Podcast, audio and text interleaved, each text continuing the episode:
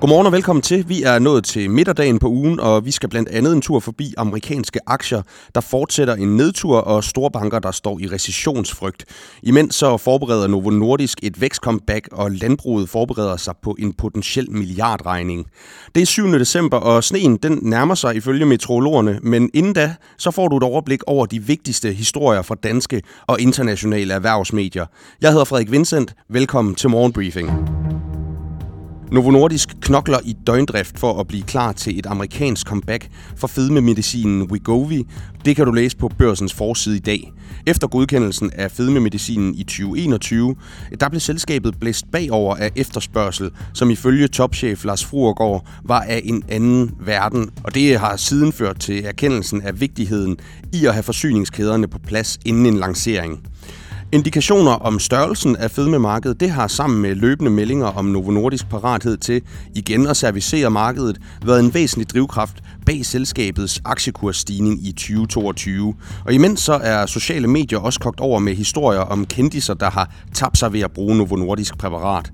Du kan læse mere om comebacket til Wegovy i dagens børsen. På Finansforside i dag, der finder du historien om, at danske pensionskasser indtil videre ikke tager arbejdet med natur- og biodiversitetskrisen nær så seriøst, som de gør med klimaet. Det er altså på trods af, at mange eksperter og NGO'er kalder naturkrisen for endnu større end klimakrisen. Og underdirektør i brancheforeningen Forsikring og Pension, Tom Wille Jensen, han siger til Finans, at både branchen og samfundet er på nybegynderstadiet i forhold til arbejdet med biodiversitet. Og han forklarer blandt andet situationen med, at det politiske fokus altså længere har ligget på CO2-reduktioner frem for naturforbedringer. Pensionssektoren, politikere og resten af verden har nu også mulighed for at få mere indsigt i naturkrisen og de potentielle konsekvenser, da FN's biodiversitetstopmøde COP15 skydes i gang i Montreal i Canada i dag. I går der faldt oliepriserne markant og ramte det laveste niveau i 11 måneder, kan du læse på borsen.dk. Priserne er dykket siden mandag og er på de to dage faldet med omkring 5% samlet, og flere analytikere de vurderer over for Bloomberg, at det altså er rente- og recessionsfrygten i særligt USA, der nu sender olieprisen ned. Udviklingen den kommer ellers på et tidspunkt, hvor EU netop har fastsat et prisloft på russisk olie, som allerede mandag skabte en trafikprop i havet ud for Tyrkiet. Du kan blive meget klogere på oliemarkederne på borsen.dk. Mens priserne på olie de falder, så ventes priserne på at udlede drivhusgas til gengæld at stige markant. De økonomiske vismænd offentliggjorde tirsdag en rapport med anbefalinger om, at landbruget skal rammes af en klimabeskatning hurtigst muligt, hvis Danmark skal nå sine klimamål. Afgiftsniveauet det bør desuden lande på 1100 kroner per ton for både landbruget og industrien, står der i rapporten. Og det er altså imens de fleste industrivirksomheder indtil videre er varslet en afgift på 750 kroner per ton fra 2030. Og vismændene har altså tidligere talt for en højere klimaafgift, ligesom Klimarådet, der er regeringens kontrolapparat for klimapolitikken, også har. Og Klimarådet bakker samtidig op om den nye anbefaling.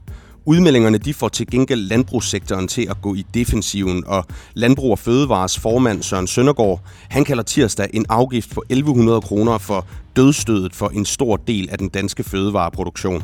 Du kan læse mere om CO2-afgifterne og landbrugets reaktion på anbefalingerne på borsen.dk. Ungarn har tirsdag valgt at blokere en støttepakke på 18 milliarder euro til det krigsramte Ukraine, efter EU-kommissionen besluttede at tilbageholde 5,8 milliarder euro i coronastøtte til Ungarn på grund af bekymringer om korruption i landet. Det skriver Financial Times, der samtidig beskriver en dyb revne i forholdet mellem Ungarns premierminister Viktor Orbán og resten af EU, hvor Ungarn også har sat sig imod en minimumskat for virksomheder i unionen. Begge beslutningerne kræver, at samtlige EU-nationer stemmer for, og for Ukraine, der kan blokeringen af den økonomiske støtte altså betyde, at landet ikke kan finansiere sin offentlige sektor, lyder det i Financial Times. Flere EU-kilder de betegner samtidig Orbán og Ungarns beslutning som et politisk lavpunkt og en klar konflikteskalering. Nu arbejder en række EU-stater så på at skaffe økonomisk hjælp til Ukraine af andre veje, hvor det ikke kræver godkendelse af samtlige medlemslande, selvom den model altså kommer til at tage længere tid, står der hos Financial Times. Så er flere af verdens største banker begyndt at forberede sig på en recession, kan du læse hos erhvervsmediet Bloomberg. Den globale investeringsbank Goldman Sachs topchef David Solomon, han varslede tirsdag potentielle fyringsrunder i selskabet, mens han også meldte ud, at Storbanken generelt vil være mere forsigtig med pengene i den kommende tid, skriver mediet. Og der var lignende takter fra USA's største bank, Bank of America, mens investeringsbanken Morgan Stanley har i gang sat en plan for at skære 1600 stillinger i virksomheden. Udmeldingerne de er tegn på alvorligheden af den økonomiske usikkerhed, der indtil videre har ramt teknologisektoren hårdest, hvor navne som Facebook og Amazon og Apple også er begyndt at fyre medarbejdere, står der altså hos Bloomberg. Og så er USA's tidligere præsident Donald Trumps ejendomsselskab tirsdag blevet kendt skyldig i skattesvindel, oplyser Financial Times. Trump Organization, som virksomheden hedder, har ifølge domstolen i Manhattan blandt andet undvidet skattebetalinger på toplederes lønninger og er nu kendt skyldig i 17 forhold, der relaterer sig til skattesvindelen, som selskabet står til at skulle betale en bøde på 1 million dollar for, oplyser mediet. Og Donald Trump han har altså ikke selv været tiltalt i sagen, men statsadvokaten i New York har sagsøgt den tidligere præsident og hans sønner for økonomisk kriminalitet i en sag, der er sat til at begynde i oktober 2023 og kan føre til bøder på op mod 250 millioner dollar til Trump.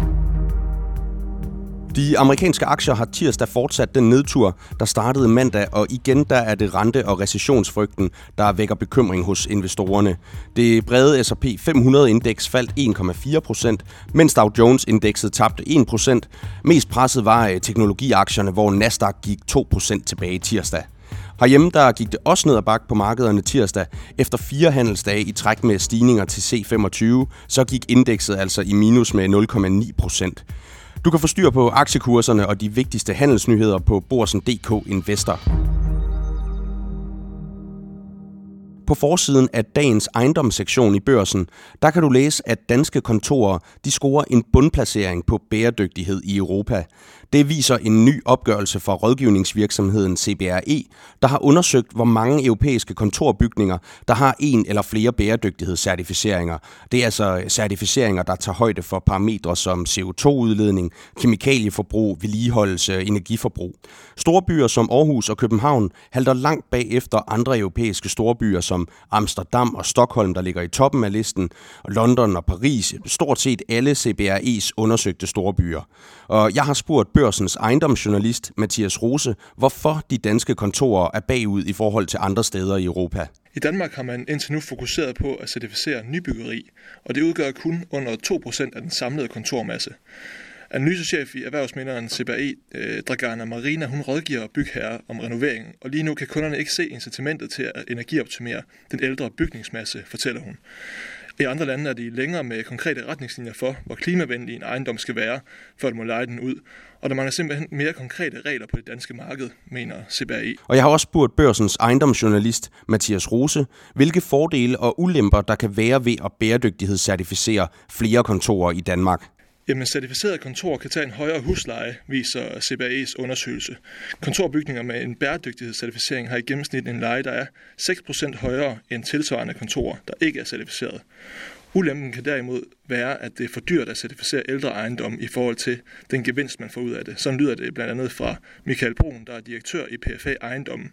Han certificerer alle nybyggede kontorer, men for ældre ejendomme kan investeringen ikke regnes hjem, hverken økonomisk eller i forhold til CO2-aftryk, mener han. Du kan læse meget mere om bæredygtighedscertificeringer eller mangel på samme i dagens ejendomssektion og på borsen.dk. Det var, hvad vi havde til jer i dag, og tusind tak, fordi du lyttede med. Vi samler et nyt erhvervsoverblik til dig igen i morgen torsdag. Indtil da håber jeg, at du får en mægtig onsdag.